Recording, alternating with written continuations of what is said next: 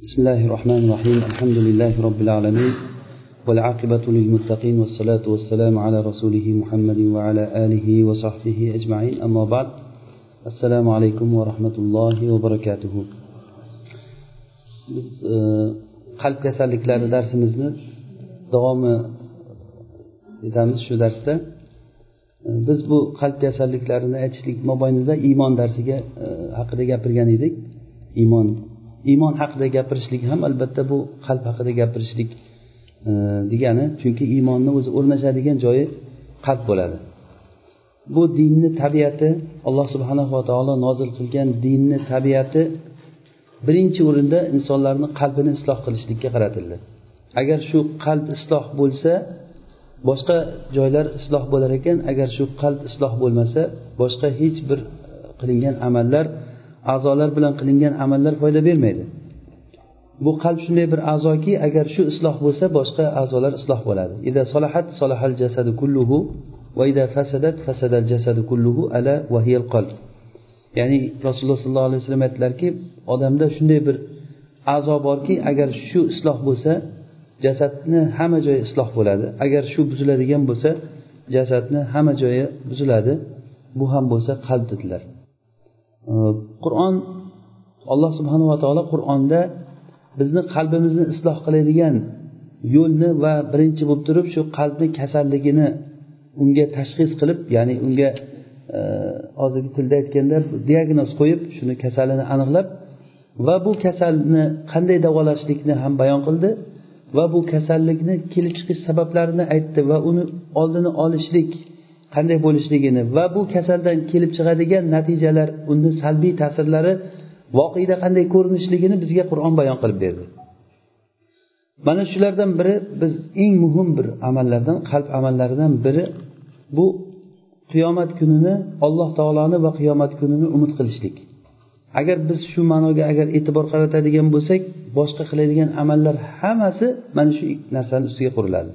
Ya'ni ollohni umid qilishlik va oxirat kunini umid qilishlik. Alloh taolo bizni namuna olishligimizga buyurgan e, suratida uchta suratni bizga qur'onda bayon qilgan ekan. E, o'sha chiroyli bir namuna bor deb. Bittasi rasululloh sollallohu alayhi vasallam haqida kelgan qolgan ikkitasi ibrohim alayhissalom va ibrohim alayhissalom bilan birga bo'lgan mo'minlar haqida chiroyli bir namunalar bor shu mo'minlarda sizlarga. E, deb uchta o'rinda kelgan. Rasululloh sollallohu alayhi vasallamga ergashishlik rasulullohda katta bir namuna borligi haqida alloh taolo ahzob surasida aytadiki لقد كان لكم في رسول الله أسوة حسنة لمن كان يرجو الله واليوم الآخر وذكر الله كثيرا rasululloh sollallohu alayhi vasallamda sizlar uchun katta bir namuna bor u namuna kim oladi namunani ollohni va oxirat kunini umid qilgan va ollohni ko'p eslagan kishilar mana shu sifatlar ollohni umid qilishlik va oxirat kunini umid qilishlik va ollohni ko'p eslashlik. Bu rasululloh sollallohu alayhi vasallamda chiroyli bir namunani biz olishligimizga olib keladi. Agar rasululloh sollallohu alayhi vasallam sunnatiga ergashmasak biz rasulullohni o'zimizga yaxshi bir namuna deb qabul qilmasak biz bizni qilgan amalimizni foydasi bo'lmaydi. Rasulullohni sunnatiga agar to'g'ri kelmayotgan bo'lsa agar rasululloh sollallohu alayhi vasallam sunnatini yomon ko'radigan bo'lsak olloh asrasin. Bu narsani sababi ham shu kasallik nima bo'ladi? Oxiratni va alloh taoloni umid qilmaslikdan bo'ladi. Demak eng muhim narsa qalbdagi kasallik ollohni umid qilishlik degan narsa yo'qolib ketgandan keyin oxiratni umid qilish yo'qolgandan keyin kishi o'z uz o'zidan rasululloh sollallohu alayhi vasallamga ergashmay qo'yadi. Va qanchalik darajada ollohdan umidi uzilgan sari bu odamni rasulullohga ergashmasligi shunchalik darajada kuchayib boraveradi va olloh asrasin ba'zan shu narsani yomon ko'rishlikka olib keladi va ba'zan shunga ergashgan odamlarni qaytarishlikkacha olib keladi. O'shalarga qarshi urush e'lon qilishlikka rasulullohga ergashgan odamlarni yomon ko'rishlikka olib keladi. Siz hayron bo'lasizki ba'zan bir kishilarni ko'rib nima uchun bu odam mo'minlarni yomon ko'radi? Nima uchun sunnatga amal qilgan kishilarni yomon ko'radi? Mana shuni javobi shuki chunki u ollohni va oxirat kunini umid qilmaydi. Bo'lmasa siz uni arpasini qomirmagansiz uni bir molini yeb o'g'irlab ketmagansiz uyiga o't qo'ymagansiz. Lekin sizni yomon ko'radi u. Nimagaki? Chunki u ollohni va oxirat kunini umid qilmaydigan odam bo'ladi. Alloh taolo mana shu ollohni umid qilmaydigan odamlar haqida va ollohni umid qiladigan odamlar haqida ahzob surasida bizga bir ikkita bir namunani bayon qilib beradi. shulardan birinchisi alloh taolo aytadiki قد يعلم الله المعوقين منكم والقائلين لإخوانهم هلم إلينا ولا يأتون البأس إلا قليلا bular rasululloh sollallohu alayhi vasallam jihodga chiqqan paytlarida jihodga chiqmagan odamlar o'zlari chiqmaydi rasululloh sollallohu alayhi vasallamga ergashib yuringlar desa issiqlarda qiyinchilikda rasululloh bilan birga chiqishlikka chiqmaydi bular Lekin mayli chiqmagani ham o'sha chiqmasligi bilan birgalikda ular rasululloh bilan chiqqan odamlarga to'sqinlik qilishadi. Mana shu odamlarni alloh taolo biladi ularni kimligini. Bular ikki toifa bo'ladi. Biri chiqmasdan turib xalaqit berib turib chiqmanglar deb hammani qo'rqitib o'lib ketasan hammang. Bu rasulullohga ergashsanglar bular sizni halokat joyiga olib boradi. Deydigan odamni qalbida iymon bor deb tasavvur qilsa bo'ladimi buni? Rasululloh sollallohu alayhi vasallam bir kuni safardan qaytib kelish paytlarida ba'zi kishilar rasululloh bilan birga yurishdan zerikib oldinga qarab ketib qolgan bular. Oldinga qarab madinada bir uylarimizga boraylik tezroq ketaylik deb izn so'raganda rasululloh sallallohu alayhi vasallam izn berdilar ketaveringlar degan. Keyin aytdilarki shunday bir qavm borki shunday bir odamlar borki rasululloh o'tirgan daraxtni soya tomoni ularga mana bu tomondan ko'ra g'azabli bo'ladi. Ya'ni rasululloh o'tirgan soyada o'tirgisi kelmaydigan odamlar bor degan. Hali ummatga shunday bir vaqtlar keladiki rasulullohni bir marta ko'rishlik unga butun yer yuzidagi hamma mol mulkda yaxshi bo'lib qoladigan paytlar keladi deganlar boshqa bir hadisda. Bunda aytyaptilarki rasululloh o'tirgan soyada o'tirishlik bular uchun g'azabli bo'ladiki o'sha soyada ham o'tirgisi kelmaydi degan. Shunda rasulullohni ashoblaridan biror kishi qolmadi illo hammasi yig'ladilar. Ya'ni munofiq kishilar rasululloh bilan birga yurgisi ham kelmaydi. Rasululloh bilan safarda birga yursa keta ketguncha madinaga borguncha qancha holatlarni ko'radi qancha ilm o'rganadi yo'q ular o'tirgisi kelmaydi. Rasulullohni gapini eshitgisi ham kelmaydi chunki ularga kerak emas u narsa. Rasulullohni gapini so'zlarini eshitishlik kimga kerak bo'ladi? Ollohni va oxirat kunini umid qilgan odamlarga kerak. Ollohni va oxirat kunini umid qilmagan odamlarga rasululloh sollallohu alayhi vasallamga ergashgan odamlarni qiladigan ishlari g'alati. Agar qo'pol bo'lsa bir e, juda ham bir e'tiborsiz narsa bo'lib ko'rinadi ularga. Ularni sarflaydigan pullari isrof bo'lib ko'rinadi ularni ko'zlariga. Mana shunday toifalarni ikkitasini alloh taolo bizga sifatlab beradiki sizlardan rasululloh bilan chiqqan mo'minlarga to'sqinlik qilayotgan kishilarni alloh taolo biladi. Va ikkinchisi va ular birodarlariga bu yoqqa kelinglar deb turib aytgan odamlar chiqadi. Lekin rasululloh bilan chiqqan paytda ham o'sha yonidagi odamlarga keta ketguncha borguncha ham kelguncha ham xalaqit berib borib keladi. Nima bir ish chiqsa nima qilamiz u yoqqa borib? Bunday qilsak bo'lmaydimi? Buni bunday qilsak bo'lmaydimi? Hattoki ba'zi jihatlarda ularni o'sha tabuk g'azotiga chiqqan paytda alloh taolo munofiqlarni chiqmasligini xohladi.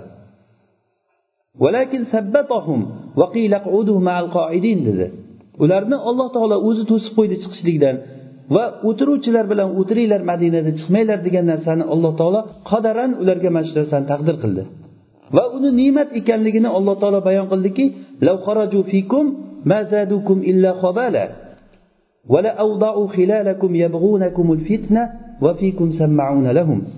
agar ular sizlar bilan chiqadigan bo'lsa ular sizlarni ichlaringda faqat ziyon keltiradi ular. Musulmonlarni zaiflashlikka olib keladi. Nimaga qilamiz ekan bu yoqqa chiqib? Bu nima kerak ekan? degan ma'noda musulmonlarni zaiflashlikka olib keladi. Undan ko'ra ularni chiqmaganligi musulmonlar uchun ham yaxshi bo'ladi. Bizni hozirgi darsdan maqsadimiz shuki qalbda bir kasallik bor shuni bayon qilmoqchimiz. Bu kasallik ollohni va oxirat kunini umid qilmaslik kasalligi va bu kasallik bor odam o'zini hayotdagi amaliga qarab shuni bilib olsin. Bo'lmasa ham har bir odam davo qilaveradi rasulullohga ergashganman mo'minman deb davo qilaveradi. Lekin o'sha qalbida mana shu ollohga va oxirat kuniga bo'lgan umid bo'lmagan odamlar ularni sifatlaridan biri rasululloh sollallohu alayhi vasallam yuringlar chiqamiz degan paytda chiqmaydi ular. Chiqmaydi va chiqmasligi bilan birga chiqqan odamlarni chiqishlikka qo'ymaydi. Nima qilasizlar borib o'lib ketasizlar baribir deydi. Yoki bo'lmasa birga chiqsa ham hech iloji bo'lmay qolsa chiqishlikka majbur bo'lib qolsa chiqadi lekin o'sha chiqqanda ham musulmonlarga xalaqit beradi. Ular urushga juda kamdan kam qatnashadi. Iloji boricha qatnashmaslikka harakat qiladi. Qiyinchilikka o'zini urmaydi umuman. Rasulullohni ashoblari unaqa odamlar emasdi yuz foiz rasulullohni ashoblari rasulullohga aytardilarki ey rasululloh biz musoni ashoblari musoga aytganday sen va robbing bor urush biz mana shu yerda qarab o'tiramiz demaymiz. Lekin biz sizga aytamizki ey rasululloh boring siz va robbingiz urushing biz siz bilan birga urushga kiramiz degan. Vallohi agar siz bizni barakul qiymatga to'g'irlab mana shu dengizga to'g'irlab kiringlar shu narsaga desa shu dengizga bosh urib kirib ketamiz degan. Rasulullohni ashoblari mana shunday kishilar bo'lgan. Lekin munofiqlar bo'layotgan bo'lsa ular mana shu qavmni ichida munofiqlari bor edi. Ular rasulullohni ashoblari emas ular. Lekin ashobman deb turib rasulullohni ashobini ichiga kirib olgan odamlar. Ana o'sha odamlarni sifatlarini alloh taolo bizga qur'onda bayon qilib berdi. Bunaqangi odamlardan jamiyat hech qachon xoli bo'lmaydi. Jamiyat qiyomat kunigacha bu odamlardan xoli bo'lmaydi. Munofiqlar doim musulmonlarni ichida turib olib turib musulmonlarga ziyon bergan ularni qasdini sindiradigan odamlar bu munofiqlar jamiyat ulardan xoli bo'lmaydi. Qur'on bizga ularni ziyoni kattaligi uchun ularni sifatlarini aytib berdi. Shularni sifatlaridan biri rasululloh sollallohu alayhi vasallam bilan birga chiqmaydi va chiqsa ham ular juda majbur bo'lib qolib ilojini topolmay qolsa hech bahona topolmay qolsa chiqadiyu lekin urushga qatnashmaydi. Chunki o'lgisi kelmaydi hech kimni yerga kirgandan keyin. Ular o'ylaydiki kofir bo'lgan odamlar albatta rasulullohga ergashgan odam bo'ldi o'lib ketadi deb o'ylaydi. Lekin bu narsa ularni voqedan noto'g'ri bir tahlilga olib keldiki voqega qarab o'zi o'ladigan odam o'laveradi. O'lishlik yoki o'lmaslik rasulullohga ergashishlikda emas bu narsa. Umr qancha belgilangan bo'lsa o'sha narsada yashaydi odam.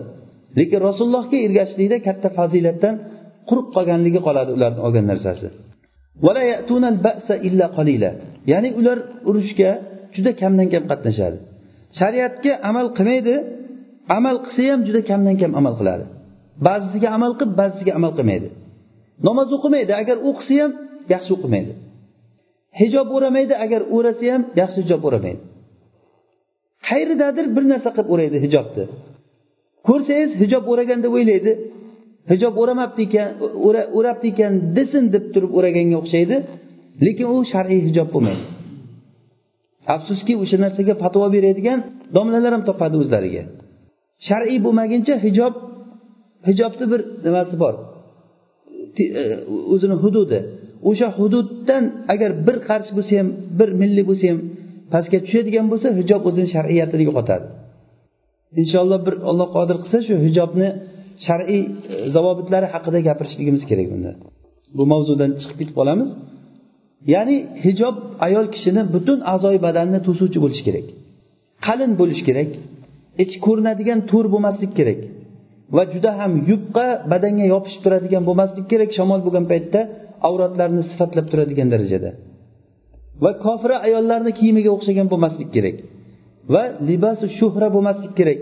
O'zini ko'rsatadigan ziynat kiyimi bo'lmaslik kerak. Mana shu sakkizta shartidan agar bitta shartini yo'qotsa hijob o'zini shar'iyligini yo'qotadi. O'sha shar'iylikni yo'qotib kiygisi keladi o'shanga rozi bo'ladi. Bo'lmasa rozi emas. Shariatga amal qilmaydi. Yoki amal qilsa ham xuddiki munofiqlar rasululloh bilan birga chiqmaydi agar chiqsa ham iloji bo'lmay qolib chiqsa ham kamdan kam ular urushga qatnashadi deganday kamdan kam agar amal qilmaydi agar amal qilsa ham juda iloji boricha shu qilmaslikka harakat qiladi أشحة عليكم فإذا جاء الخوف رأيتهم ينظرون إليك تدور أعينهم كالذي يغشى عليه من الموت ular judayam o'limdan qo'rqadigan odamlar bo'ladi. Agarda ularga o'lim kelsa ularni bittasiga qarasangiz xuddiki o'laydigan odam ko'zi hushdan ketayotgan odamday ko'zlari go'layib qoladi degan. Agarda urush tugayotgan bo'lsa sizlarga juda ham o'tkir tillar bilan yo'liqadi. Biz qildik hamma ishni. Mana ular bormadi odamlar. Bular unday qilgani yo'q hamma ishni biz qildik degan. Agarda ashihatan alal xayr. Agarda urush tugasa ular sizlarga shunday bir o'tkir tillar bilan yo'liqadiki uni qo'yavering. O'sha g'animatdan olishlikdan quruq qolmaylik deb. Uni ham maqsadi o'sha g'animatdan olishlik uchun aytadi. Dunyoviy manfaat uchun qiladi har bir ishini. Munofiq kishini ollohga va oxirat kunini umid qilmaydigan va allohga iymon keltirmagan odamni ko'z qarashi uni mezoni o'lchovi faqat dunyo bo'ladi. Qayerda dunyo bo'lsa o'sha joyda hozir nozir. Agar dunyo bo'lmaydigan bo'lsa u joyda u odam unga kerak emas u joy. Ana shu munofiqlar ham urush tugagandan keyin qahramon ko'payadi deganday bular juda o'tkir tillar bilan yo'liqadi. Endi qur'on mana shu odamlarni kasali nimada shuni bayon qilyapti? Ana shu odamlar iymon keltirmagan odamlar bular. Alloh taolo ularni qilgan yaxshiliklarini ham o'zi habata qilib yo'q qilib yubordi olloh asrasin bu gapimiz e, ba'zan qo'pol chiqib qoladi lekin bu narsani biz mo'minlar bilmaslik bilmasligimizda iloji yo'q bo'lgan narsa bu. Ya'ni agarda qalbingizda ollohga va oxirat kuniga bo'lgan umid bo'lmasa qilgan amalingiz botil bo'lib ketadi. Bu qur'onni aytgan gapi bu. Ularni amalini alloh taolo habata qilib yubordi bu kofirlarni sifati. Ya'ni kofir kishilar ollohni va oxirat kunini umid umuman umid qilmaydi. Lekin mo'min kishilarni ichida ham umid qilishligi zaif bo'lgan odamlar bor. Olloh deydi oxirat kuni deydi lekin yuragidan aytmaydi shu narsani. Dunyoni yaxshi ko'radi. Qalbingizdan so'rab ko'ring siz agar olloh bilan dunyo oldingizga kelib qolsa qaysini yaxshi ko'rasiz? Mezon sizni o'zingiz tarozi hech bir odam mana falon mana bu pismadon bu to'qson foiz ergashadi bu sakson foiz yetmish foiz degan tarozi yo'q. Bu tarozi inshaalloh qiyomat kunida bo'ladi. Taqvo qalbda bo'ladi iymon qalbda bo'ladi. Juda chiroyli gaplarni gapirishligimiz mumkin. Juda go'zal bir ko'rinishlarda ko'rinishligimiz mumkin. Lekin bu narsa o'lchovi qiyomat kunida ma'lum bo'ladi. Bu qalbni amali bu narsa. Qalbni amali shundayki siz o'zizga tarozi o'lchab ko'ring. Ollohni va oxirat kunini umid qilishligingiz qanchalik darajada bo'lsa sizni rasulullohga bo'lgan ergashishligiz shunchalik darajada bo'ladi. Demak mezon o'lchov mana shu narsa. Alloh taolo ularni amallarini habata qildi ya'ni amallarini yo'q qildi. Ya'ni boshqa oyatlarda keladiki ya amanu la tuqaddimu bayna yadayillahi va rasulih ey iymon keltirgan bandalar olloh va rasulini oldida sizlar gaplaringni ustun qo'ymanglar degan. shu oyatni davomida keladiki sizlarni amallaring habata bo'lib ketmasligi uchun amallar kuyib ketadi shunday qilsanglar degan لا ترفعوا أصواتكم فوق صوت, صوت النبي ولا تجهروا له بالقول كجهر بعضكم لبعض أن تحبط أعمالكم وأنتم لا تشعرون rasulullohni oldida sizlar ovozlaringni baland qilmanglar rasulullohni oldida ohista gapiringlar xuddi bir birlaringga xitob qilganda ey muhammad deb qattiq qattiq gap bilan gapirmanglar. Sahobalar xuddi mana shu tarbiyani olishgandi. Rasululloh sollallohu alayhi vasallam yuzlariga tik qarashmasdi rasulullohni ulug'laganligidan. Rasulullohni yuzlariga qaralmagan sahobalar hatto ovozlaringni rasulullohni oldida past qilinglar qattiq gapirmanglar degan. Sizlar olloh va rasulini oldida buyrug'ini oldida o'zlaringni gaplaringni ustun qo'ymanglar degan.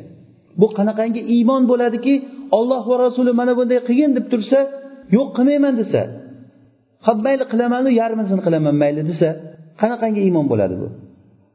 Endi bir jamiyat bo'lsaki u jamiyatda olloh va rasulini buyrug'i tamoman chetga surib qo'yilsadan keyin yana iymonliman deb davo qilsa. Olloh va rasulini hukmini qilayin olloh va rasulini sunnatiga ergashayin rasulni sunnatiga degan odamlarni yo'q buni qilmaysan deyilsa agar. Bu narsa bu har bir kishi o'zini iymonini mana shu narsaga hisob o'lchab ko'rishlik kerak. Bu bizni maqsadimiz. Birovni iymonsizga chiqarishlik yo birovni haqoratlash emas bu. Avvalambor o'zimiz najot topishligimiz va shu narsadan foydalanib boshqalarni shundan ogohlantirishlik bo'ladi. Aynan qur'on bizga shu narsani bayon qiladi. Ya'ni amallarni habata bo'lib yo'q bo'lib ketishligi yo'q bo'lib ketishligi sizni olloh va oxiratni umid qilmasligingiz darajasiga qarab bo'ladi.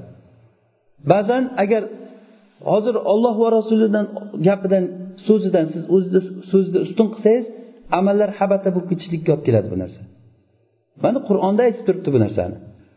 Yoki bo'lmasa olloh va rasuli olloh nozil qilgan narsani yomon ko'rishlik bu qalbingizda agar shu shariatga nisbatan yomon ko'rishlik bo'layotgan bo'lsa buni biz furqon surasidagi misoldan aytamiz mana bu narsa ham kishini amalini habata bo'lib yo'q bo'lib ketishlikka olib keladi. قالوا للذين كرهوا ما نزل الله سنطيعكم في بعض الأمر يعني ular ذلك بأنهم كرهوا ما أنزل الله فأحبط أعمالهم degan ular olloh nozil qilgan narsani yomon ko'rdi shu natija shuni sababdan ham alloh taolo ularni amallarini habata qilib kuydirib yubordi degan demak amal kuyib ketishligi qilgan solih amallaringiz kuyib ketishligi mumkin ekan olloh asrasin nima sababdan Mana shu olloh va rasulini hukmiga to'liq rozi bo'lmasligi sababidan ko'pchilik odam bu narsadan e'tibor bermaydi. Iymonliman deb davo qiladi lekin o'sha iymon muqtazosidan kelib chiqqan hukmlarga to'liq rozi bo'lmaydi. Ayollar eri agar uylanadigan bo'lsa o'shanga rozi bo'lmaydi. O'zini iymonliman deb davo qiladi. Go'yoki uni nazarida uylanadigan erkakni xotini aybdor bo'lishi kerak deb hukm chiqaradi. Televizorga chiqib gapiradi ayollar deb eshitganmiz. Haligi yulduzman degan odamlar sochi pattaygan boyagi mutabarrija ayol chiqib oladidan keyin shariatdagi uylanish to'g'risida gapiradi. Endi to'g'ri bu shariatda bor uylanish degan narsa yo'q emas bor. Lekin uylanadigan odamni xotini kasal bo'lsa eriga yaramay qolgan bo'lsa xizmatlarni qilolmay qolgan bo'lsa unday bo'lsa bunday bo'lsa o'sha odam uylansa bo'ladi. Ammo oddiy normaldagi erkaklar bo'layotgan bo'lsa ular uylanmaslik kerak deydi. Jamiyat buziladi xuddiki bir xotinboz odamni gapirganda gapiradi. Axloqsiz bir odamni gapirganda gapiradi. Bu narsa gapiga quloq solib o'tirsangiz agar tamoman shariatni umuman tan odam emas u. Birinchidan o'zini turishiga qarasangiz shariatdagi odam unaqa holatda bo'lmaydi. Nimaga hijob kiymaydi? Agar allohga iymon keltirgan bo'lsa oxirat kunini umid qilsa nima uchun hijob kiymaydi bu odam? Sog'likni umid qilgan odam sog'likni saqlash ishlarini qiladiku. Men sog' sog' bo'lishlikni judayam yaxshi ko'raman desadan keyin zararli narsalarni iste'mol qilaversa uchragan narsani tiqib yeyversa sog'likni yaxshi ko'raman deb qo'ysa keyin sog'likni yaxshi ko'rayotgan bo'lsang sen bu ishni qilmasding deymizmi bunga? Yoki bizga va'z qiladi sabablarni ushlashlik. Senga osmondan tosh yog'maydi osmondan tilla yog'maydi. Olloh olloh deb o'tirganing bilan senga olloh berib qolmaydi ishlash kerak. Odam ehtiyot bo'lishi kerak sabablarni olish kerak deb turib dunyoviy sabablarni bizga o'rgatadi. Lekin to'g'ri bu gap. Dunyoviy sabablar sabablarni dunyoviysini ushlagan odam uxroviy sababni ham ushlash kerak emasmi? Ho'p dunyoviy narsa agar sababga bog'liq ekan oxiratniki ham sababga bog'liq amal qilmagan odam jannatga kirishligi bo'lmaydi. Nimaga siz dunyoda tavakkal qilmayapsizdan keyin oxiratda tavakkal qilyapsiz oxirat ishiga? Oxirat ishiga kelgan paytda e, o'zi bir gap bo'lar deydi. O'zi yallaqasin bir gap bo'lar buyog'ini allohga topshirib qo'yadi. Lekin aniq narsa qur'onda sunnatda aytilingan narsalar amal qilmasangiz najot topolmaysiz degan. Hatto rasululloh sollallohu alayhi vasallam qizlari fotimaga aytgan ya fotima fa inni la anki minallohi shay'a. Amal qilgin men seni ollohdan hech bir foyda berolmayman o'zing amal qilgin deganlar. Mana shuncha oyatlar hadislar turib ham amal qilmasa bo'lmasligini bilib turib ham amal qilmaydida dunyoviy narsaga kelgan paytda alloh taolo kafolatlab qo'ygan rizqqa ishonmaydi lekin sababi nima uchun? Sababi u asli o'zi allohga iymon keltirmagan odam bo'ladi. Mana shularni kasalini alloh taolo qur'onda aytyaptiki ulaika lam yu'minu. Ular iymon keltirmagan odamlar. Mana shu hozirgi biz aytgan sifatlar bu munofiqlarni sifati aslida o'zi va bu sifatlar qanchalik darajada mo'minlarda ham bo'lishligi mumkin. Qanchalik darajada shu sifat topilsa shunchalik darajada rasulullohga ergashishlik zaiflashib ketaveradi. Hayron bo'lasiz bir kishi siz bilan birga darsda o'tiradi. Halol haromni siz bilan birga o'qiydi. Lekin lekin siz tadbiq qilgan narsani u hayotida tadbiq qilmaydi. Kerak bo'lsa juma darslarida nechta jumalarga hozir bo'ladi? Xutbalarni eshitadi darslarni eshitadi lekin u odam hayotida umuman tadbiq qilgan narsani ko'rmaysiz ko'chada xotini bilan birga yurib ketayotganligini ko'rib hayron qolib qolaverasizki bu kim bilan yuribdi ekan bu odam deb. Yoki uydagi holati umuman shar'iy shariatni hidi ham hayotda ko'rinmaydi. Sababi nima buni? Sababi ana shu ollohni va oxirat kuni iymon e, e, umid qilmaganligi uchun bo'ladi. Ollohni umid qilgan odam albatta bu narsa harakatini oladi o'zini. Bu oddiy aqlli odam biladigan musallam narsa bu. Ollohni umid qilgan odam oxiratni umid qilgan odam albatta tayyorgarligini oladi oxiratga. Mana shu oyatlardan keyin alloh taolo nozil aytyaptiki rasululloh sollallohu alayhi vasallamda sizlar uchun katta bir namuna bor.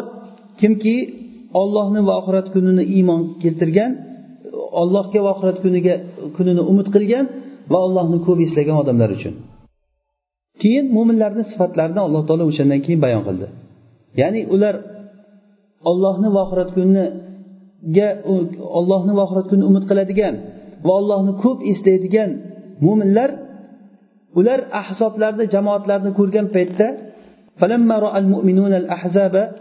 قالوا هذا ما وعدنا الله ورسوله وصدق الله ورسوله وما زادهم إلا إيمانا وتسليما ya'ni mo'minlar ahzob jangida ahzob jangida kofirlar hammasi bir kamondan o'q otib butun makka g'atafon va arablar hammasi jamlanib ular musulmonlarga qarshi kelgan vaqtlarida bu yoqdan bani qurayza o'zlarini ahdlarini buzib chiqqan paytda madinani tamoman shunday o'rab olgan kofirlar hamma tomondan musulmonlar xatarda qolgan Mana shu xatarni ko'rgan paytda mo'minlar mana shu narsa bizga olloh va rasuli va'da qilgan narsa shu deyishdi.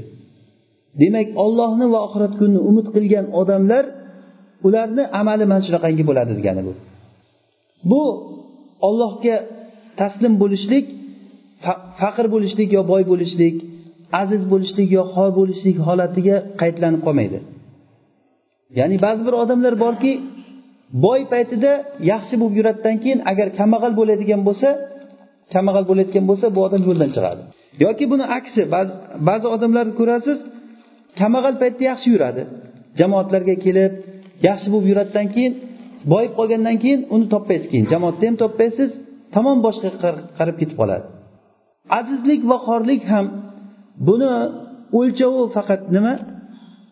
Ollohni va oxirat kunini umid qilishlik bo'ladi. Kimki ollohni va oxirat kunini umid qilsa agar uni boylik va kambag'allik azizlik yoki xorlik bu odamni qirillatolmaydi mo'tadil bir inson mo'min kishi bo'ladi. Alloh taolo bizdan xohlagan narsa mana shu. Agar biz shu agar qonunga tushsak agar ollohni va oxirat kunini umid qilsak allohga iymon keltirib ollohni va'dalariga aniq ishonsak bizga aytilingan samara o'z o'zidan chiqadi mevasi. Lekin hamma gap o'sha iymon keltirmaslikdan bo'ladi. Mo'minlar jamoatlarni ko'rgan paytda ahzoblarni bitta jamoatni ikkita odam ikki xil ko'ryapti. Kofirlar ularni ko'rgan paytda olloh va rasuli sizlarga o'sha munofiqlar aytadiki olloh va rasuli sizlarga yolg'on va'dalarni beradi deydi.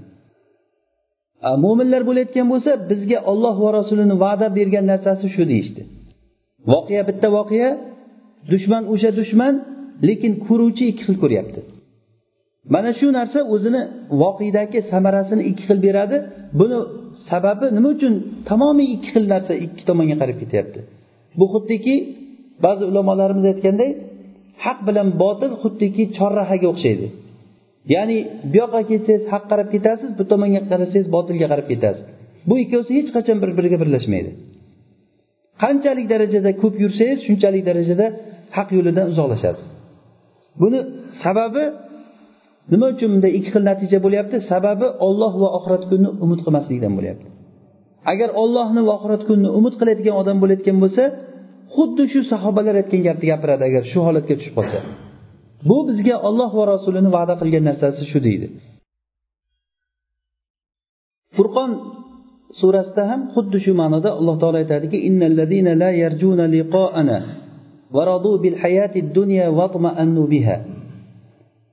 ya'ni bizni bizga yo'liqishlikni umid qilmaydigan odamlar ya'ni alloh taologa yo'liqishlikni umuman umid qilmaydigan odamlar va dunyo hayotiga xotirjam bo'lgan odamlar. Dunyo hayoti bilan rozi bo'lib o'shanga xotirjam bo'lgan odamlar demak mana shu oyatdan chiqadiki ollohni va oxirat kunini umid qilmagan odamlar ollohga yo'liqishlikni umid qilmagan odamlar dunyo hayoti bilan rozi bo'ladi degan. Va shunga xotirjam bo'ladi. Bu odamni xotirjamligi va xotirjamligini yo'qolishligi hammasi dunyoga bog'liq bo'ladi. Agar dunyosi xotirjam kelib tursa xotirjam bo'ladi. Agar dunyo tomonidan sal qiyinchilik kelib qolayotgan bo'lsa bu odam xotirjamligini yo'qotadi. Va u odamlar bizni oyatlarimizdan g'ofil bo'lgan kishilar. G'ofilligi shu darajagacha boradiki o'zini qarindoshlarini yoki otasini onasini boshqa birodarlarini olib borib qo'l bilan qabrga qo'yib keladi. Biror marta shundan ibratlanmaydi. Fir'avn yashagan joyda yashaydi. Fir'avn yashagan uylarni ko'radi kerak bo'lsa fir'avnni o'ligini ham ko'radi muzeyga borib. O'sha yerga borib ham u rasmga tushirish bilan ovora bo'ladi. Atrofidagi zeb ziynatlar uni qanday qilib saqlanib turganligi bilan qiziqadi. Lekin bu odam kim o'zi nima uchun shunday bo'ldi bu ibrat bo'ldi? Bu odamga umuman bu o'zini ibratini bermaydi. Oyatlarni bular ollohga iymon keltirmagan ollohni va oxirat kunini umid qilmagan odamlar ollohni oyatlaridan foydalanmaydi. Shu furqon surasida alloh taolo juda ko'p hikoyalarni keltiradi. Fir'avnni hikoyasini keltiradi. وعادا وثمود وأصحاب الرس وقرونا بين ذلك كثيرا وكلا ضربنا له الأمثال وكلا تبرنا تتبيرا ولقد أتوا على القرية التي أمطرت مطر السوء أفلم يكونوا يرونها؟ بل كانوا لا يرجون نشورا. ya'ni bu oyatda xuddi shu ma'no ya'ni aytyaptiki alloh taolo bizga ot qabilasini hikoya qilib berdi samud qabilasini hikoya qilib berdi ular qanday halok bo'lib ketdi nuh alayhissalomni qavmi qanday g'arq bo'lib ketdi? Fir'avn qanday bo'ldi? Ashabur ros adam va samud va qurunan bayna zalika kafiro mana shuni orasida juda ko'p odamlarni biz xalqlarni halok qildik ularni. Hammasini biz zarbul masal qilib keltirdik. Hammasini biz halok qildik. Sizlar nimaga ibratlanmaysizlar shu narsalardan? Nima uchun halok qildik yo ularni robbisi boshqami? Ularni halok qilgan robbi o'sha robbi. O'sha odamlar ham sizlarga o'xshagan odamlar edi. Bekorga qur'onda bu narsa aytilinmayapti. Agarda shular qilgan ishlarni sizlarda takrorlansa shularni azobi sizlarda muqarrar takrorlanadi degani bu. Va bundan tashqari ular makka mushriklari ya'ni osmondan ularni ustiga tosh yog'dirilgan lut alayhissalomni qavmi ular shomni yo'lida ular ketishligida yo'lni ustida bo'lgan o'tganda qaytganda tijorat bilan shuni ko'rib o'tadi ular. Yoki ular ko'rmayaptimi? Ularni qanday halok bo'lganligini uylarini teskari bo'lib turganligini ustilariga tosh yoqqanligini ko'rib o'tar ekan. O'shani ko'rib ham ibratlanmaydi. Afalam yakunu yarovnaha ular ko'rmayaptimi shu narsani? Yo'q ko'ryapti ular. Balki ularni haligisi kasalligi balkanu la yarjuna nushura. Ular qiyomat kuni tirilishlikni umid qilmaydi. Sabab shunda. Oxirat kunini tirilishlikni umid qilgan odam shu o'likni ko'rgan paytda men ham ertaga mana shu o'likka o'xshab ketaman deb o'ylasa oxiratga iymon keltirmagan odam shunday o'likni ko'rgan paytda kim o'ldiribdi ekan buni nima o'libdi ekan deydi birdan. Boshqa narsani ko'radi u. Yoki fir'avnni qasriga borgan paytda oxiratga iymon keltirgan odam ko'rishi bilan esiga kelayotgan narsa shu fir'avn ham shu yashab o'tib ketgan qanchalik darajada boy bo'lishligi qanchalik e, hukmron zo'ravon bo'lishligidan qat'iy nazar o'lib ketdi. Deb ibratlansa oxiratga iymon keltirmagan odam shu borgandan telefon chiqarib rasmga tushirishni boshlaydi. Birorta ibrat olmaydi. Qani bu uyni egasi demaydi. Mana shu oradagi farq shu. Afalam yakunu yarawnaha? Ular ko'rmayaptimi? Yo'q ko'ryapti lekin ular balkanu nushura. Ular qiyomat kunida ollohga qayta tirilishlikka umid qilmaydi. Mana shu oxiratga iymon keltirmaslik odamni to'liq g'aflatga olib keladi. Olloh asrasin bu g'aflatdan haqni ko'rmay qoladi odam. Voqeda bo'layotgan narsalarni boshqacha ko'radi. Hattoki shu darajagacha boradiki solih kishilar uni ko'ziga terrorist bo'lib ko'rinib qoladi. Yaxshi odamlar uni ko'ziga yomon bo'lib ko'rinib qoladi. Ollohni shariati unga zulm bo'lib ko'rinib qoladi. Ollohni shariati olloh asrasin bunday bo'lib ko'rib qolishlikdan ollohni shariati adolatsiz bir narsa bo'lib ko'rinadi bu odamni ko'ziga. Sabab nima? Sabab oxiratga iymon keltirmaslik bo'ladi. Ular qiyomatda ollohga tirilishlikni umid qilmaydigan odamlar. Darslarga qatnashadi eshitadi qancha joylarda ma'ruzalar eshitadi qancha falokatlarga o'zi duchor bo'ladi. Yo'ldagi mashinada bo'layotgan hodisalarni ko'radi. O'tish paytida xudo asrasin xudo asrasin deb o'tib ketadi oldidan. Lekin xayoliga ham kelmaydi o'sha narsa. Ertaga men ham mana shunday bo'laman. O'lim oyog'imni tagidan kutib turibdi umrim tugagan paytda o'laman degan narsa odam xayoliga ham kelmaydi. Agar o'sha narsa xayoliga kelsa u odam boshqacharoq inson bo'ladi. Ana o'sha narsa esimizga kelsa bizda agar ana o'shanda bizdan keyin bir narsa umid qilsa bo'ladi. Rasululloh sollallohu alayhi vasallam makkada o'n uch yil da'vat qildilar. o'n uch yil da'vatni negizi qaymog'i shu narsa edi. Oxiratda alloh taolo turishlik mana shu narsani eslatdilar shuncha da'vatda yetmishta ziyodroq shu atrofida odam iymon keltirdi.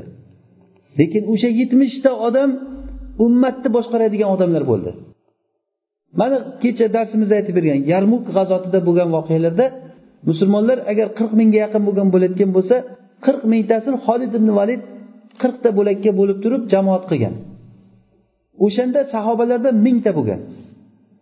Qirq mingtani ichida mingtasi sahobiy bo'lgan ekan yuzta badriy sahobiy bo'lgan. Yuztasi badrga qatnashgan sahobiy bo'lgan. Mana shu sahobalar butun o'sha sahobalar e, islom askarini o'rtasidagi yuragi qalbi bo'lgan. Bu odamlar boshqa odamlardan farq qiladigan odamlar bo'lgan. Hattoki musulmonlar o'sha nima bilan turgan e, rum bilan ro'para kelgan paytda rum juda qattiq bir zarbalar bilan ikki yuz qirq ming odam birga ovoz chiqarib kelgan. Havo gumburlab xuddiki momaqoldiroqlar gumburlaganday ovozlar chiqar ekan.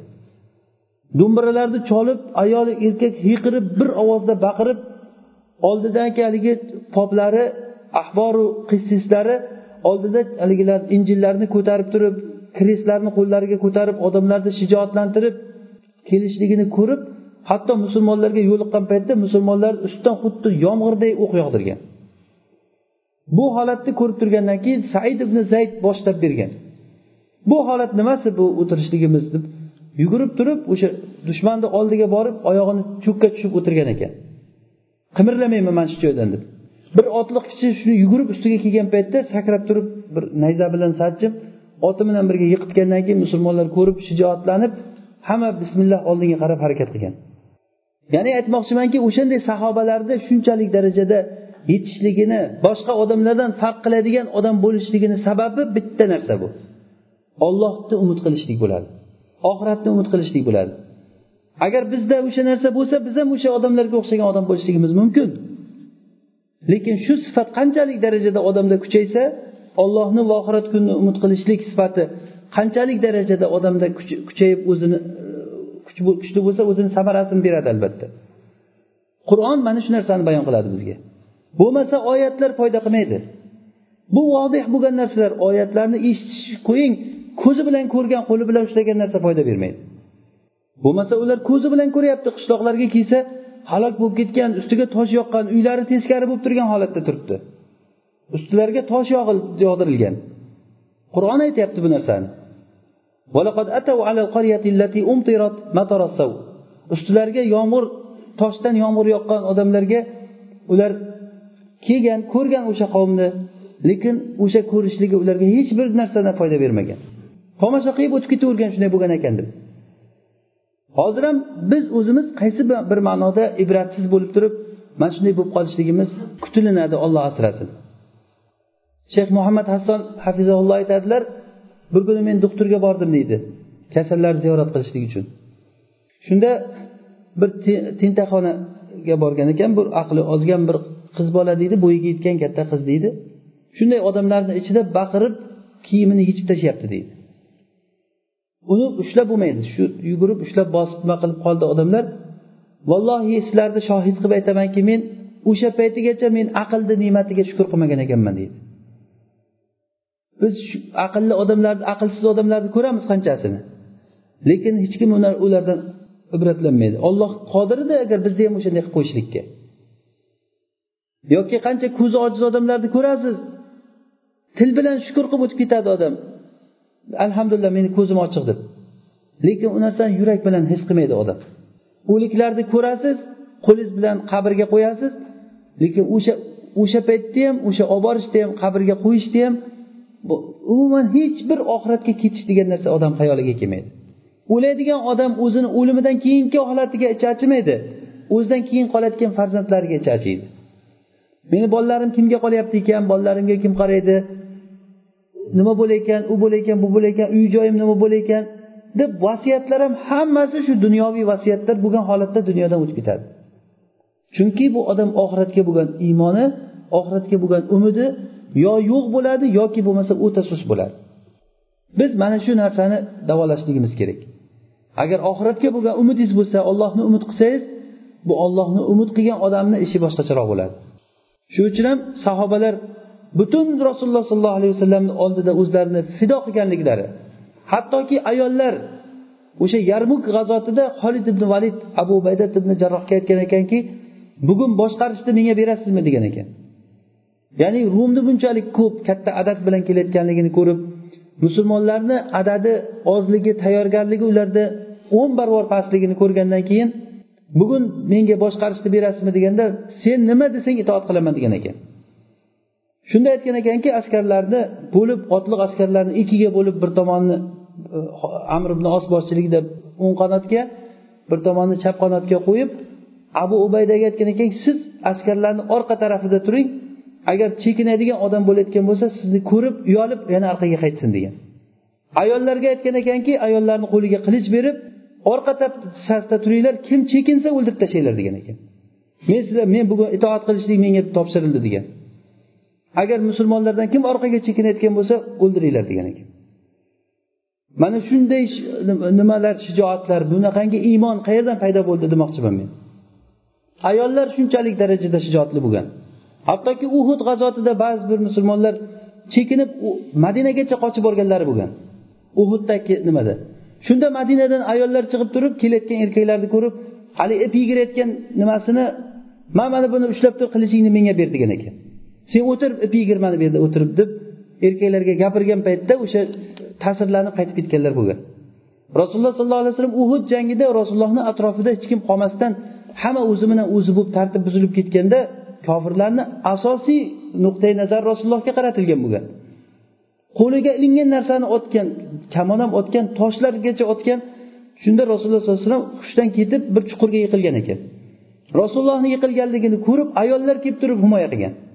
toki rasulullohni oldiga mushriklar yetib kelmasligi uchun nahotki munofiqlar o'sha ayollarchalik ham bo'lolmaydimi yo'q ular ayollarchalik ham bo'lolmaydi urushga qatnashgan paytda ular umuman bormaydi ham qatnashmaydi ham ular o'sha uchun ham alloh taolo shu oyatni davomida rijalun sadaqu ma ahadulloha alayhi فمنهم من قضى نحبه ومنهم من ينتظر وما بدلوا تبديلا bular o'shanday kishilar oxiratga iymon keltirgan odamlar ular rijal degan Erkak degan rijal degani bu ayolni urg'ochi nima jinsi degani emas bu. Rujulat bu sifat bu. Uni odam bu shunday sifatki ulug'lik sharaf degani bu. Hatto ayollardan ham rijollar bo'lishligi mumkin. Ayollardan ham oxiratga va iymon keltirgan olloh va rasulini umid qiladigan odam ayollar o'sha rijal ayollar bo'lgan. Ular mo'minlardan shunaqangi bir rijallar borki ular ollohga qilgan bergan ahdida turib bergan odamlar. Ulardan ba'zilari bor o'zi ishini tugatib bo'lgan. Ya'ni hayotlik paytida olloh bilan qilgan va'dasini bajarib bo'lgan degani tiriklik paytida alloh taolo ulardan rozi bo'lgan odamlar bor. Va ulardan kutib o'tirganlari bor. Ular bergan va'dalarini o'zgartirmadi. Ollohga iymon keltirgan oxiratni umid qilgan odamlar mana shunday bo'ladi. Ansorlar rasululloh sollallohu alayhi vasallamga bayat qilishgan vaqtlarida rasulullohga ular rasulullohga va'da qilishdiki ey rasululloh biz sizni olib ketamiz diyorimizga. Ayollarimizni va farzandlarimizni nimadan himoya qilayotgan bo'lsak shu narsadan sizni himoya qilamiz degan. Lekin shuni evaziga bizga nima bo'ladi degan. Evaziga nima bo'ladi deganda rasululloh sollallohu alayhi vasallam sizlarga jannat bo'ladi deganlar. Bo'ldi biz rozimiz degan. Bizga jannat bo'layotgan bo'lsa biz rozimiz degan. Mana shu va'dasini ular buzmadi. Rijal alayhi. Ollohga va'da bergan narsasida turib berdi. Biz ham va'da beramiz. Qiyinchilik kelganda va'da beramiz. Lekin bu va'dalarimiz qanaqangi va'da bo'ladi bu? Xuddi shu nimada? Shu siyoqda alloh taolo aytadiki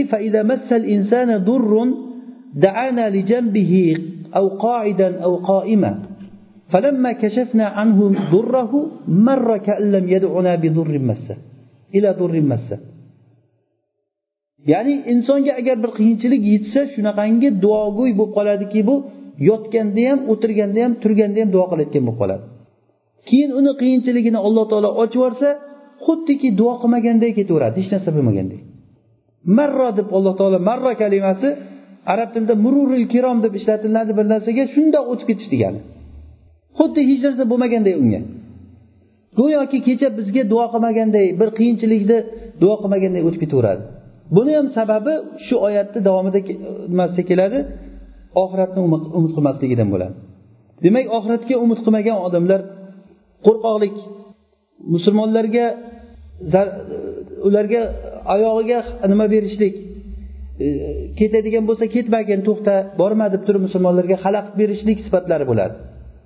Va yana agar chiqib qolayotgan bo'lsa allohga toat qilishlikda juda kamdan kam toat qiladi agar qilsa ham mana shu sifatlar va olloh va rasulini buyurgan buyruqlarini to'liq bajarmaydi.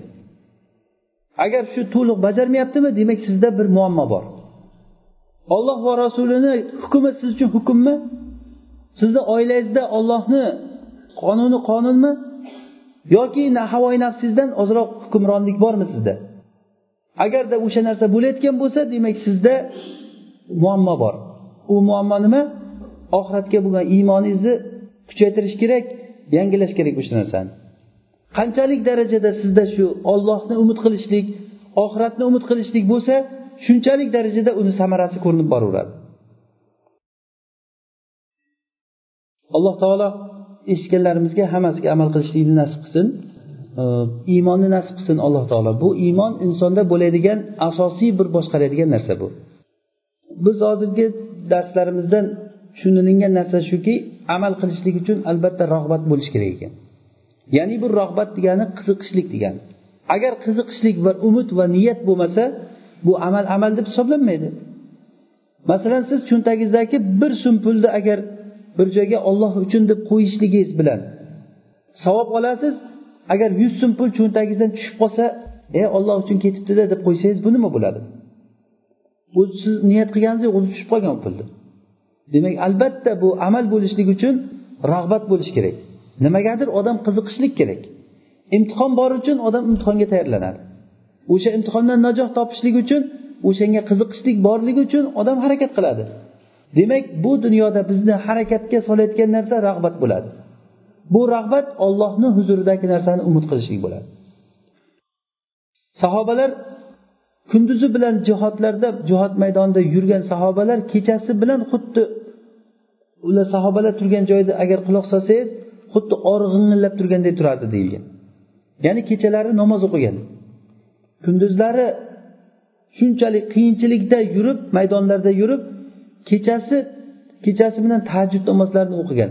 nima sababdan bo'lgan bu narsa ollohni huzuridagi narsani umid qilganligi uchun bo'lgan bu yana ollohni umid qilmaydigan odamlarni sifati hozir biz yuqorida aytdikki ular qo'rqoq bo'ladi dedik musulmonlarga xalaqit beradi dedik ollohni toatini to'liq bajarmaydi dedik eng yomon sifatlardan biri وقال الذين لا يرجون لقاءنا لولا أنزل علينا الملائكة أو نرى ربنا لقد استكبروا في أنفسهم وعتوا عتوا كبيرا ya'ni ollohni umid qilmaydigan odamlar ular aytadiki bizlarga farishtalar tushsa bo'lmaydimi yoki robbimizni ko'zimiz bilan ko'rsak bo'lmaydimi degan ollohga iymon keltirmagan odamlar ollohni qur'onini kitobni tan olmaydi hozirgi kunda kitobni tan olayotgan odam qancha til bilan tan oladi odam lekin uni ichidagi narsani tadbiq qilishga olganda kamdan kam odam shunga rozi bo'ladi.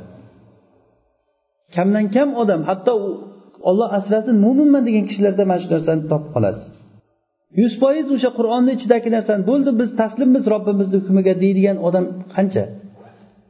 Mana shu odam haqiqiy oxiratga iymon keltirgan odam qiladi bu ishni. Ular o'zlarini katta olishdi. Ya'ni bu o'zini katta olishlik tug'yon qilishlik bu oxiratga iymon keltirmagan odamlarni sifatlaridan biri bo'ladi. Odam nima uchun o'zini katta oladi? O'zini katta olishligini sababi ollohni umid qilmaganligi uchun bo'ladi. Ular oxiratga iymon keltirmagan odamlarni sifatlaridan biri shu qur'onni o'zgartirib ber bizga deydi. Bu qur'onni o'zgartirginki biz yo buni boshqa qur'on olib kel buni o'rniga yoki bo'lmasa avbaddilhu deydi. Uni o'zgartir. Rasululloh sollallohu alayhi vasallamga alloh taolo aytyaptiki men buni o'zim o'zimdan o'zgartirishligim mumkin emas buni. Hozir odamlarni ko'rasizki shariatni tamomiy inkor qilishga qo'rqadi kofirsan degan otni eshitishdan lekin uni o'zgartirishligingizni xohlaydi. Hijob masalasiga kelgan paytda shu juda qattiq ketmasdan shu vasatiy bo'lishligingizni xohlaydi. Vasatiy degan narsa nima deganda shariatga amal qilmaslik deb tushuntiradi u narsani. Ya'ni tushuncha shunday bo'lib qolgan odamlarda. Av baddilhu degan gap xuddi shuni o'zi. Hozirgi bu hijoblar yigirma birinchi asrda bu rivojlangan bir asrda yashayotgan paytimizda to'g'ri kelmaydi bu odamlarni bu madaniyatga to'g'ri kelmaydi bu. Bizni o'zi urf odatimizga to'g'ri kelmaydi bu ayollarni bunday qilib yurishligi. Deyishligimiz bu narsa o'sha avbaddilhu degan oyatiga o'xshab qoladi bu narsa. Hukmini o'zgartir degan. Yoki ayollarni ko'rasizki o'sha yoki bo'lmasa ba'zi odamlar aytadi ayollarni hijob o'rashligi sekin sekin pog'ona pog'ona bilan bo'lyapti. Hozir hech bo'lmasa bosh yalang yurgandan ko'ra ro'mol o'rab avratini yopib tursin bitta latta bilan bo'lsa ham ertaga o'sha ayol shar'iy hijobga ham kirib qolishligi mumkin deb shu fatvo bilan hijabul asriy degan fatvolar chiqdi. Hijabul asliy degan fatvo bilan qancha qancha muslima ayollar ilgari niqobda yurgan ayollar keyin hijob asliga o'tib ketdi fatvo chiqqandan keyin. Bu fatvo chiqargan odamni jinoyati bilmadim endi qanchalik darajada bo'ladi. Qaysi ma'noda bu yomonlikni kamaytirish bo'ladi? To'g'ri. Masalan ayol kishi boshlarini ochib e, mutabarrija bo'lib yurgandan ko'ra yopishgan bo'lsa ham bir ro'mol o'rab yursa yaxshirog'u deydi. U bitta ayolga nisbatan shundaydir. Lekin uni ko'rgan millionlab ayollar u bilan fitnalanishligichi? Uni ziyonichi mana bu narsa xuddiki ollohni shariatini o'zgartirishlik ya'ni yo bu qur'onni olib ketib boshqa qur'on olib kel bizga. Inson shu darajagacha kibr shu darajagacha yetib boradimiki olloh nozil qilgan kitobni olib ket buni boshqa kitob olib kel bizga. Deydigan odamdan nimani kutasiz? Faraz qilingki bu kitobni olib ketsin o'rniga boshqa kitob olib kelsa qabul qiladimi o'sha odam? Agar qabul qilayotgan bo'lsa ikkinchisini birinchisini nimaga qabul qilmadi bu? Yoki bo'lmasa o'zgartir mana mana joylari bizga to'g'ri kelmaydi. Qur'onni mana mana hukmlari bizga to'g'ri kelmaydi hozirga. Bo'lib ham hozirga to'g'ri kelmaydi. Hammani gapi shu. Hozir to'g'ri kelmaydi hozir bo'lmaydi deydi. Xuddi kecha bo'lganday. Xuddiki shunday ketaversa ertaga bo'layotganday. Hozir bu bu narsa bo'lmaydi ollohni hukmi deydi. Demak bu narsa sababi shu ollohga iymon keltirmaslikdan bo'ladi. Ollohni umid qilmaslikdan bo'ladi. Bu narsani sababnikisi dardi hammamizda bor bo'lgan narsa bu. Men o'sha shaxs o'laroq aytishim mumkin. Har bitta bitta bitta shaxs. Odam har bir odam o'zini qalbidagi hukumatga quloq solsin. Sizni qalbingizda hukumat nima? Ollohni kitobimi? Yoki havoyi nafsizmi? Agar havoyi nafsiz hukmron bo'layotgan bo'lsa olloh asrasin bu havoyi nafsni hukumatini alloh taolo qur'onda iloh deb ismlagan. O'zini iloh havo nimasini? Havoyi nafsini iloh qilib ushlab olgan odamni ko'rdingizmi degan. Mana bu odam havoyi nafsi nima desa shuni qiladi. Haromni yeyish kerakmi? To'xtamaydi yeyveradi. Mana buyoqda bir qancha oyatlar aytyapti hadislar aytyapti. Olloh la'natlagan. Ribo yeyishlik harom harom deb necha marta biladi o'shani. Lekin aylanib o'tib ketaveradi shu narsadan chunki uni qalbidagi hukmronlik ollohni hukmi emas u. U havoyi nafsiga ergashgan odam. Yoki xotiniga taloq aytgan odamlar bor. Nechi marta taloq aytgan bir aytgan ikki aytgan hech bir mazhabda uni halollab berish yo'li qolmagan. Yana keladi bir iloji yo'qmi shuni? Mazhablar ko'pku bir qaranglar. Bir domla bir yo'lini topib bering nima bo'lsa ham beshta to'rtta balam bor aytib qo'yganman endi yo'q iloji yo'q bu ollohni shariati bu desangiz aylantiraveradi aylantiradi bor yo'qol bor bu yerdan. Devorgingacha borsa keyin qarasangiz o'sha xotin bilan yashab yurgan bo'ladi. Sen fatvo bermasang fatvo berayotgan boshqa odam topdim deydi. Bu qanaqasiga ollohni shariatiga hukmron qilish e, e, ergashishlik bo'ladi bu? Xuddiki o'sha mushriklarni aytgan gapi avbaddilhu buni o'zgartir bu narsani shariatni degan gapni o'zginasi bu narsa.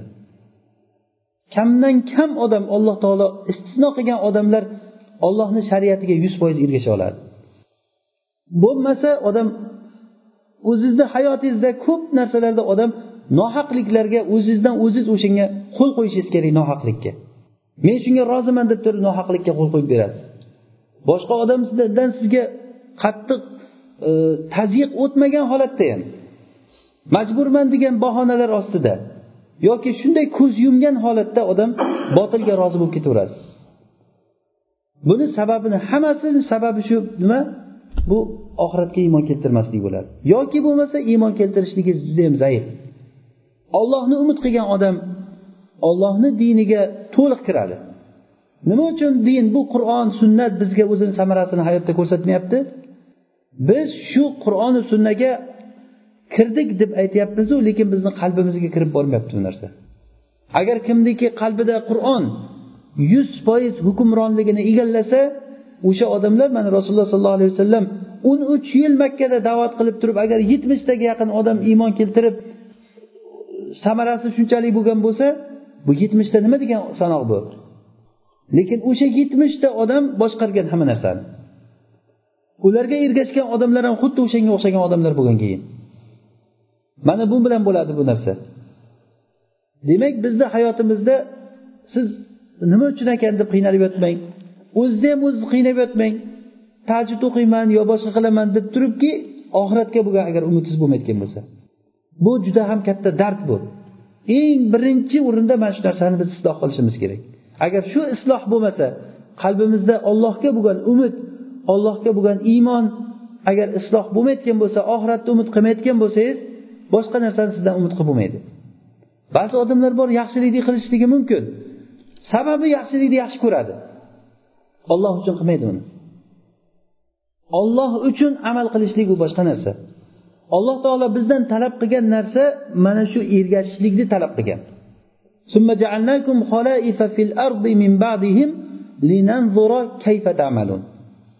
Biz sizlarni oldingi halok bo'lib ketgan ummatlardan keyin sizlarni xalifalar qildik. Biz ko'rishligimiz uchunki qani sizlar qanday amal qilasizlar? Mana arab tilini bilganlar biladi. Kayfa tamalunda? Tamalunni mafuli yo'q hozir bu yerda qanday tamalunni mafuli bo'lmagandan keyin bu umumni ifoda qiladi. Ya'ni bu yerda mafuli kayfa bo'ladi? Kayfiyat qiziqtiradi. Ya'ni qanaqaligi? Amalni qanaqaligi qandayligi qiziqtiradi? Rasululloh sollallohu alayhi vasallam qanday qilganlar o'shanday qilishlik qiziqtiradi? Rasululloh sollallohu alayhi vasallam sunnatiga ergashilinmasdan qilsa masalan peshin namozini uch rakat o'qisangiz alloh taolo o'sha to'rt rakatni uch rakatini o'qisangiz bo'ldi to'rtdan uch qismi qabul bo'ldi biri biri qolib ketdi deyiladimi? Yo umuman qilmadi deyiladimi o'sha odamniki? Qanday hukm chiqarasizlar shu narsaga? To'rt rakat namozni uch rakat o'qidi bir kishi. Nima bo'ladi? Namoz o'qidi deymizmi yo o'qimadi deymizmi? O'qimadi deymizmi? Hijob ham xuddi shunday ayollarni hijobi ham. Agar yuz foiz hijob o'ramayotgan bo'lsa uni hijob o'radi deb bo'lmaydi. Hijob o'radi deb bo'lmaydi uni. Ollohni hukmi alloh taoloni hukmi qur'ondagi rasululloh sollallohu alayhi vasallamni sunnatidagi hukmini biz hayotimizga tadbiq qilolmaymiz qachoniki allohga iymon keltirsak ollohni va oxirat kunini to'liq umid qilsak o'shanda bo'ladi. Bu ma'no qur'onda juda yam ko'p bu. Biz qisqartirib qisqartirib oz bir narsalarni aytyapmiz. Rasululloh sollallohu alayhi vasallam ibn abbos roziyallohu anhu rivoyat qilgan hadisda aytadilarki uch toifa odam bor. Ular alloh taologa eng g'azabli odamlar degan. Uch toifa odam bor. Shulardan biri haramda haramda gunoh ishni qiladigan odam. Ya'ni haram bilasizlar makka madinadagi e, makka shahri va madina shahrida haram territoriyasi bor shu e, nima hududi. Shunda ba'zi bir hukmlari bor uni. Shu joyda ya'ni yomon gunoh ishlarni o'zi gunoh ish qilishlik boshqa joyda yomon. Lekin haramda undanda yomon. Ikkinchisi islomda johiliyat sunnatini xohlayotgan odam. Bizni hozir aytmoqchi bo'lgan joyimiz shu. O'zi musulmon lekin musulmon bo'lib turib johiliyat e, qonuni bilan yuraman deydi. Ikkita o'rtada pul muomalasida kelishmay qolgan bo'lsa o'rtamizda hakam agar shar'iy bir hakam qilaman desangiz rozi bo'lmaydi. Yo'q shariatni qo'yib tur bu yoqqa deydi keyin gaplashamiz deydi. Qanday bo'lsa ham uni qiziqtirgan narsa shu o'zini molini undirib olishlik bo'ladi. Mubtag'in fil islam sunnatal jahiliya. Va uchinchisi musulmon kishini qonini hech qanday haqsiz musulmon kishini o'ldiradigan odam. Musulmon kishini haqsiz o'ldiradigan odam mana shu uchta toifa odam alloh taologa eng g'azabli odamlar. Birinchisi haramda gunoh ish qiladigan odam ikkinchisi o'zi islomdaman deb davo qilib turib johiliyat sunnatini qilgan odam ikkinchisi uchinchisi nima? Musulmon kishini haqsiz qonini to'kadigan odam. Sahobalar bilan bizni farqimiz mana shu narsa bo'ladi. Mana umar roziyallohu anhu umar roziyallohu anhuga bir kishi senda abu bakr va rasulullohda namuna yo'qmi senda? Sen rasululloh abu bakr va rasulullohdan namuna olmaysanmi? deganda umar shunday to'xtab aytgan ekanki bu ikkala odam ergashilinadigan odam degan. Qilmoqchi bo'lgan ishidan birdan to'xtagan ekan. Ibn umar bir kuni e, nimadan makkadan safar qilib ketish paytlarida said ibn yasaro degan kishi bilan birga makkadan madinaga qarab safar qilib ketishda yonma yon ketayotgan paytlarida said to'xtab qolgan qolib ketgan orqada. Keyin yetib kelgan qayerda qolding deganda kelayotgandim yo'lda to'xtab vitrni o'qib oldim tushib degan. Shunda ibn umar aytdilarki rasulullohda sen uchun yaxshi bir namuna yo'qmi degan. Yo'q bor rasulullohda namuna bor men uchun nimaga bunday deyapsiz deganda rasululloh sollallohu alayhi vasallam vitr namozini rohilada ya'ni ulovda turib o'qirdilar degan. Tamom shu gapni o'zi yetadi. Bizga mana shu narsa rasulullohda chiroyli namuna yo'qmi biz uchun? Bor albatta hammamiz bor deymiz. Lekin qani sunnat? Qani rasulullohga ergashganligimiz? Nimaga ergashmaymiz rasulullohga? Nima man qiladi bizni man qilishlayotgan sababi shu nima? Ollohni va oxirat kunini umid qilishligimiz kam. Alloh taolo isloh qilsin hammamizni. Bu narsa bugun bu fursat ekan bu. Olloh nasib qilgan ekan mana shu narsalarni o'qib eshitishligimizni. Har bir odam o'zi uchun o'zi javob beradi. Yaqin kunda allohga yo'liqamiz. Yaqin kunda rasululloh sollallohu alayhi vasallamga yo'liqasiz. O'sha paytda rasululloh sollallohu alayhi vasallam bizni taniydi. Toratlarni asarlari bilan peshonadagi sajdalar asarlari bilan rasululloh sollallohu alayhi vasallam ummatini tanib turar ekan. Rasululloh sollallohu alayhi vasallam ummatim qiyomat kunida xuddiki ot qashqashday menga taniqli bo'ladi deganlar. Ya'ni toratni asrlaridan qo'llaridan nur chiqib turar ekan. Ummat keladi. Men taniyman ularni havuzga kelish paytida yaqin qolganda farishtalar chiqib turib ketlaring deb turib ularni haydab e, havuzdan qaytaradi. Men farishtalarga ey qo'yinglar ular meni ummatlarim men ularni tanib turibman mendan ular kelsin deganda ular aytar ekanki ular seni ummatingman degan bilan ular sunnatga ergashmasdan bidat ishlarni qilgan sendan keyin ko'p o'zgartirishlar qilib yuborgan bular deganda unda yo'qolib ketsin yo'q bo'lsin deb aytaman degan olloh asrasin bu narsadan. Shu rasululloh sollallohu alayhi vasallamni sunnatiga ergashishlik bir katta bir ne'mat narsa ekan bu. Shayx abu soq hafizaullohni bir ajoyib gaplari menga ta'sir qilgan. U kishi aytadilarki biz bu sunnatni faqatgina gapirmadik shu sunnat bilan yashadik deydi. Shunga hayron qolasiz. Nima man qiladiki odamni sunnatga amal qilishlikdan. Qo'limizdan keladigan narsani nima uchun qilmaymiz bizlar? Qo'limizdan kelayotgan narsa oddiy misvak bor o'zi sunnat. Oddiy deb gapiramiz endi bu narsani. Lekin shu narsani qancha odam qiladi shu narsaga amal qiladi? Boshqa boshqa sunnatlarni kim bilmaydi o'sha narsani sunnatligini? Albatta biladi hamma lekin amal qilishlik yo'q.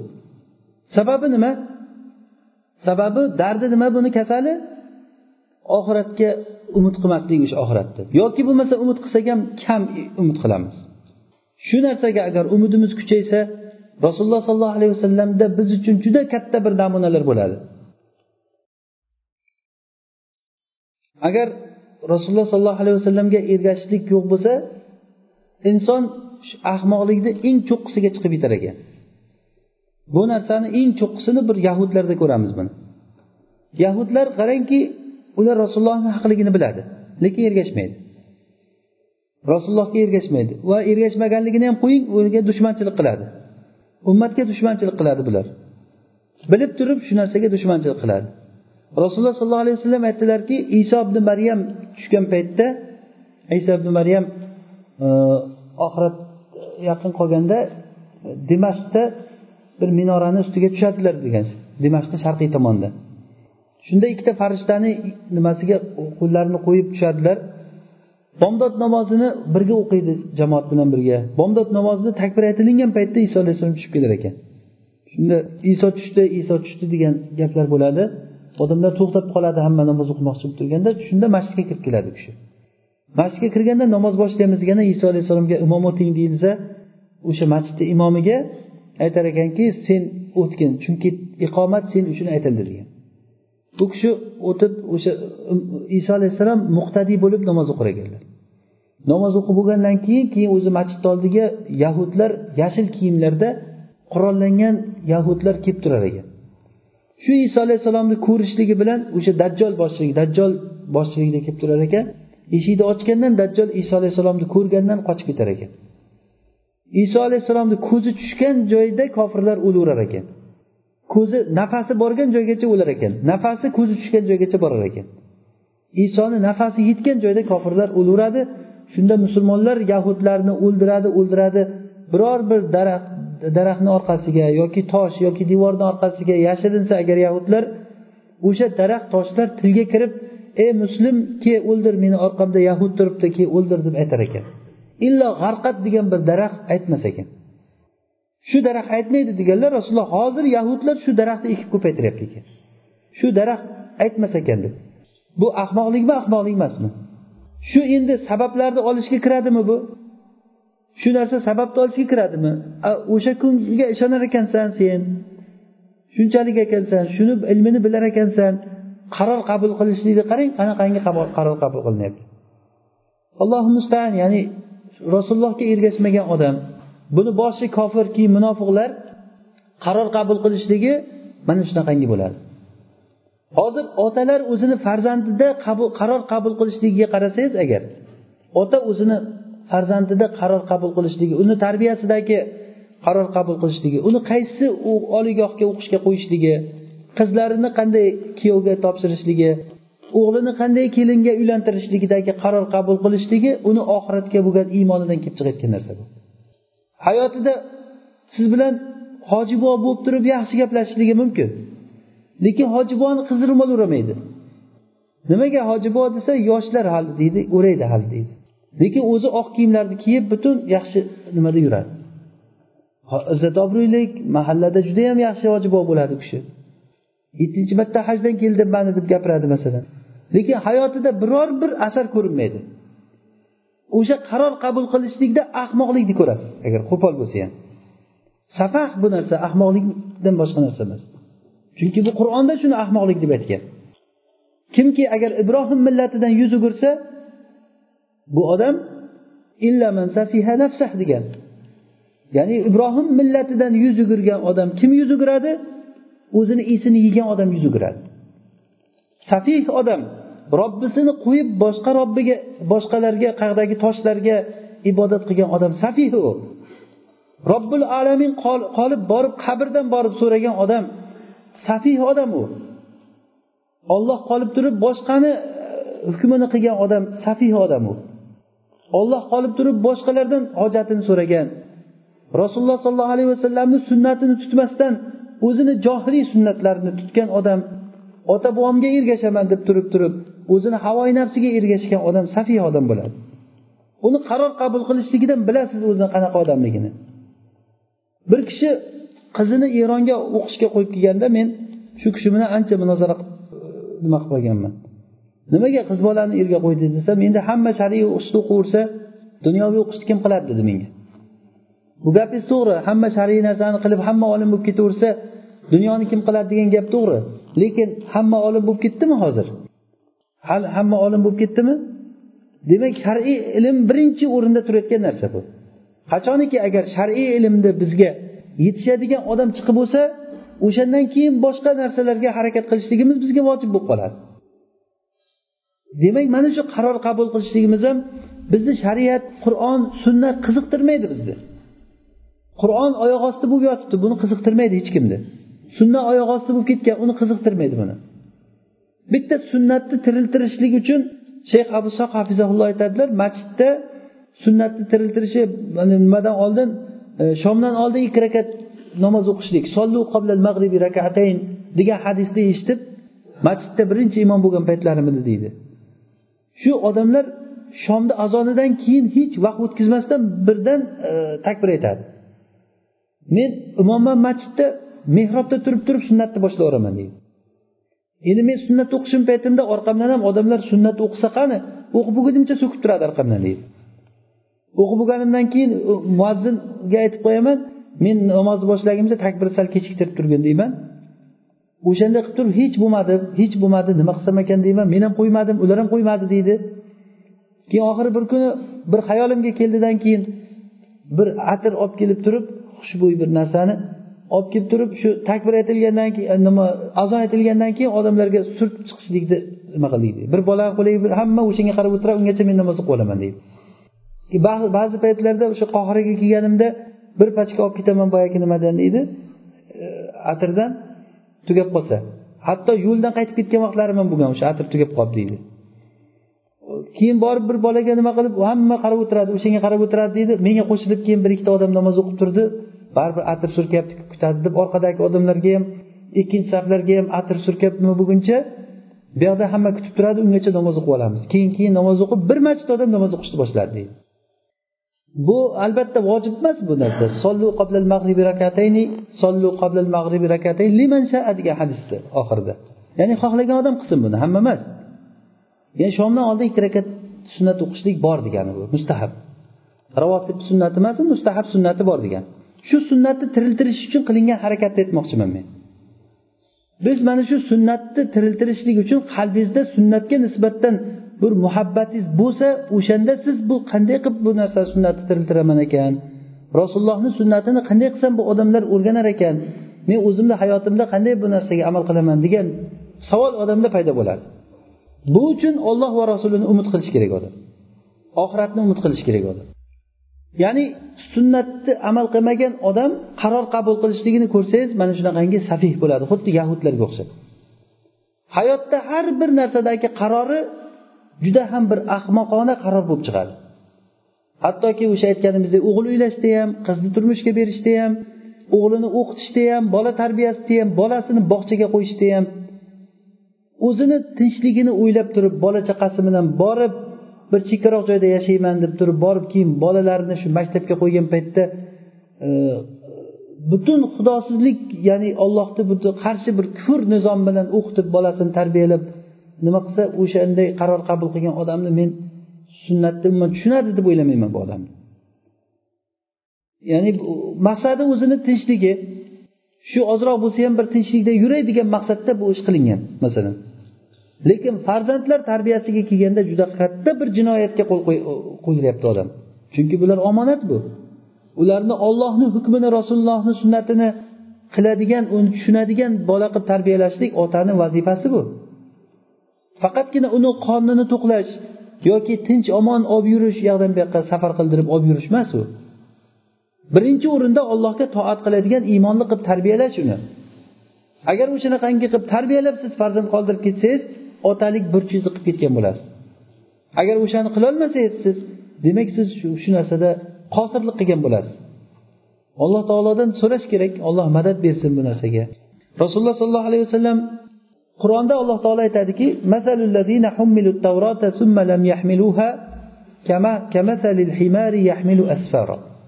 ya'ni tavrot ularga berilib tavrotni yaxshi amal qilmagan odamlar xuddiki ustiga kitob ortilgan eshaklarga o'xshaydi degan.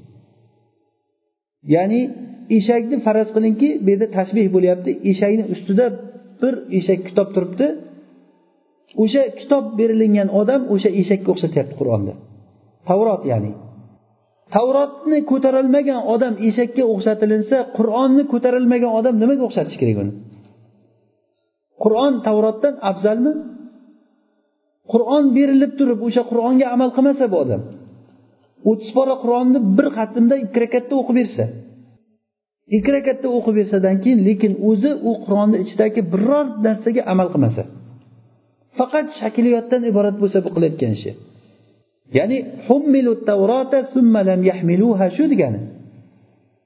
Ya'ni o'sha kitobni ichidagi narsani tushunmaslik u narsaga amal qilmaslik. O'zi tushunmaslik o'zi shu. Agar tushunib turib amal qilmaslik endi toza bo'lib beradi u degani. Ya'ni qur'onni ichidagi narsani tushunib ba'zi bir hambaliy mazhabida insof degan kitob bor. Insof degan kitob hambaliy mazhabidagi butun nimalar masalalarni jamlagan kitob. Bir odam shu kitobni yodlab olgan ekan. Shunchalik yodlagan ekanki shu xuddi magnitofonday qo'ygandan qayerdan tez aytib ketaverar ekan? Odamlar safarga ketish paytida o'shani birga olib ketgan kitobni o'rniga. Yurdi ekan bir narsa masala kerak bo'lib qolsa aytamiz. Qayerdan aytsa aytib ketaverar ekan. Lekin ichida biror kalimani tushunmaykan o'zi.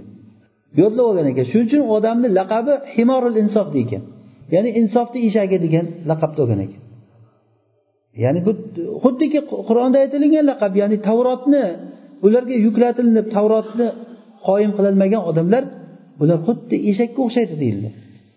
Endi qur'onni yuklatilinib qur'onni biz qabul qilmasak nimaga o'xshatish kerak bu odamni? Ya'ni menimcha tashbih qilishni kamlik qilib qoladi bu yerda hozir. Agar o'sha tavrotni ko'tarilmayotgan odamlar o'xshatilingan narsaga o'xshatilinsa bu kamlik qilib qoladi deb o'ylayman. Ya'ni shu qur'onni hukmi bilan hukm qilmasdan sunna bilan yurmasdan hayotda yashagan odamlar juda ham qattiq bir noto'g'ri qaror qabul qilgan bo'ladilar. Bani isroilni nimalari voqealari bizga juda ko'p aytilingan. Buni ko'p takrorlaymiz biz. Bani isroil bunaqa bo'lgan bani isroil bunaqa bo'lgan. Nima uchun? Biz qur'onda nima uchun bani isroil haqida voqealar keladi? Muso alayhissalomni voqealari bani isroil qancha joyda kelgan? Ya bani isroil ya bani isroil deb. Ya'ni hamma yomonlik bani isroilda bo'lib huzayfa roziyallohu anhu aytganlaridek bu bani isroil qandayyam yaxshi birodar ekan? Sizlarga hamma yomonlikni ular yelkasiga oldiyu bari yaxshilik sizlarga ekan degan ya'ni barcha yomonliklar bani isroilda bo'lsa barcha yaxshilik biz uchun bo'lsa bu nima degan gap? Ya'ni bani isroilda bo'lgan ayb bizda bo'layotgan bo'lsa o'shalarga kelgan hukm bizda bo'ladi degan. Bekordan bekorga maymunga aylanib ketgan cho'chqaga aylangan odamlarni akramakumulloh bu narsalar bekorga aytilinmagan qur'onda.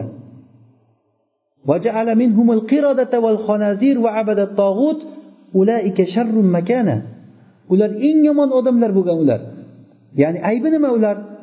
Ular tavrotga amal qilmaganligi uchun edi. Ollohni hukmini masxara qildi ular. Alloh taolo mana buni qilinglar deb bir qishloqqa kiringlar. Sajda qilgan holatda bo'yin egib boshlaringni past qilib kiringlar desa ayni teskarisiga o'tirib turib orqachasiga siljib siljib siljib dummasi bilan siljib kirgan qishloqdan shunchalik darajada esini yegan xalq bular ya'ni ollohni buyrug'ini tamomiy teskarisini qilgan lekin qilyapti o'sha narsani baribir. Bizni ummat nima qilyapti? Qur'onda aytilingan narsani ro'mollaringni o'ranglar desa ichib otdi ro'molni hammasini. O'sha ro'mollarni tashlagan kunni bayram qildi keyin. Bir birini tabrikladi bayramingiz muborak bo'lsin sizni deb turib. Bu nima farqimiz qolyapti bani isroildan bunda? olloh asrasin bu bani isroilga kelgan nimalar jazolar kelib qolishligidan odam qo'rqishi kerak bu narsani bekorga u narsalar ularni voqeasi aytilinmaydi alloh taolo eshitganlarimizga amal qilishni nasib qilsin rasululloh sollallohu alayhi vasallam bilan birga qiyomat kunida jamlanishlikni alloh taolo nasib qilsin havzdan bir ichib keyin chanqamaydigan ichishlikda alloh taolo ichishligimizni nasib qilsin سبحانك اللهم وبحمدك نشهد أن لا إله إلا أنت نستغفرك ونتوب إليك